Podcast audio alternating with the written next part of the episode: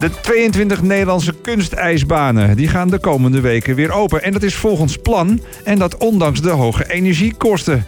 Maar, zegt de Vereniging van Kunstijsbanen Nederland, de VKN... zonder overheidssteun zal het snel voorbij zijn. Nomen est omen. Het omen dus, dat het snel voorbij zou zijn. Dat noopte ons om even te bellen met, uh, met Rob. Rob Kleefman. Goedemorgen, Rob. Goedemorgen. Ja, Rob, de algemeen directeur van ja, de kunstijsbaan van Haarlem. Ja. Rob, um, ik, ik, las dat allemaal. Hè. Zonder overheidssteun zal het snel voorbij zijn. En ik dacht meteen aan, ja, hoe doen ze dat eigenlijk, die ijsbanen, met, uh, ja, met de hoge energieprijzen en dergelijke? Hoe, hoe, hoe zit het in elkaar? Uh, nou, dat is niet zo moeilijk. Er zijn uh, zo'n ruim 20 ijsbanen in Nederland. En iedereen doet dat op zijn eigen manier. De ene die is gelieerd aan, aan een gemeente en een ander niet. Wij zijn in Haarlem een zelfstandige stichting. Dus wij bestaan zonder overheidssubsidie. Mhm. Um, ja, en wij gaan uh, 1 oktober uh, gaan onze deuren weer open om, ons, uh, ja, om onze bezoekers weer te verwelkomen. Ja, en hoe doen jullie dat nou? Hoe, hoe doen jullie dat nou met die energieprijzen? Want wij, ik schrik met de pletter. Ik denk, nou, die ijsbaan gaat failliet. zover is het nog lang niet, gelukkig. dus, wij zijn in de ja, mooie omstandigheid dat wij het contract verlengd hebben. Dat is al zo'n kleine twee jaar geleden. Mhm. Die is verlengd per 1 januari dit, begin dit jaar.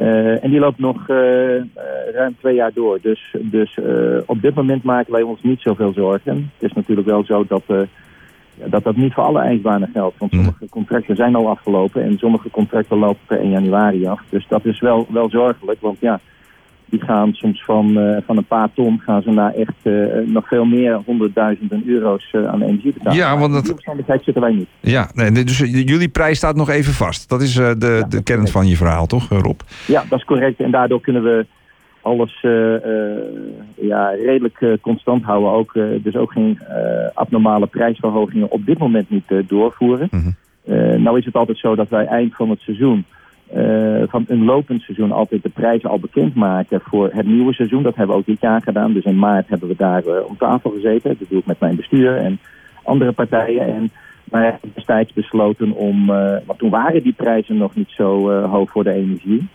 dat we zeiden, joh, wij vinden een prijsstijging tussen de 2 en de 4 procent vinden we heel redelijk. want alles gaat een beetje omhoog. Maar ja, uh, dus dat hebben we, daar houden we ons ook aan vast. Uh, en, maar, maar misschien dat het volgend jaar wel iets hoger kan worden. Dat, dat, ik weet niet wat het komend seizoen gaat brengen. Nee. Hey, hoe, uh, de, even in het algemeen, hè, de, de kunst. Hoe, hoeveel, hoeveel bezoekers, klanten hebben we hier in Haarlem op de kunstijsbaan, zo jaarlijks? Ongeveer. Ja, over het publieksschaatsen dan zitten we toch wel gauw uh, tussen de zeg maar 170 en, uh, en 180 tot 90.000. Uh, dan heb je daarnaast nog de georganiseerde sport. Ja. Met een paar tienduizenden bezoeken. Maar dat is twee jaar geleden met de corona behoorlijk naar beneden gegaan. Toen zaten we op ruim 100.000 bezoeken. maar vorig jaar is het wonderbaarlijk redelijk hersteld. staat er toch wel weer richting de, de, de 170.000. Dus dat, aan die aantallen moet je denken. Ja, de honderdduizenden hebben we het dan over. En, uh, Rob, ik, uh, ik quote net de Vereniging Kunstijsbanen Nederland, de VKN.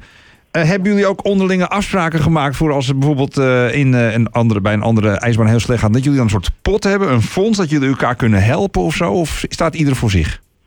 Nee, in dat opzicht staat wel ieder op zich. Omdat elke constructie, elke ijsbaan heeft een eigen constructie. En wat ik ook in het begin zei, sommigen zijn uh, misschien in het bezit van een uh, gemeente. Of die zijn daar uh, heel direct bij betrokken. -hmm. Er zijn maar een paar banen die echt zelfstandig zijn zoals wij. Dus, dus dat is echt heel, heel erg gezellig.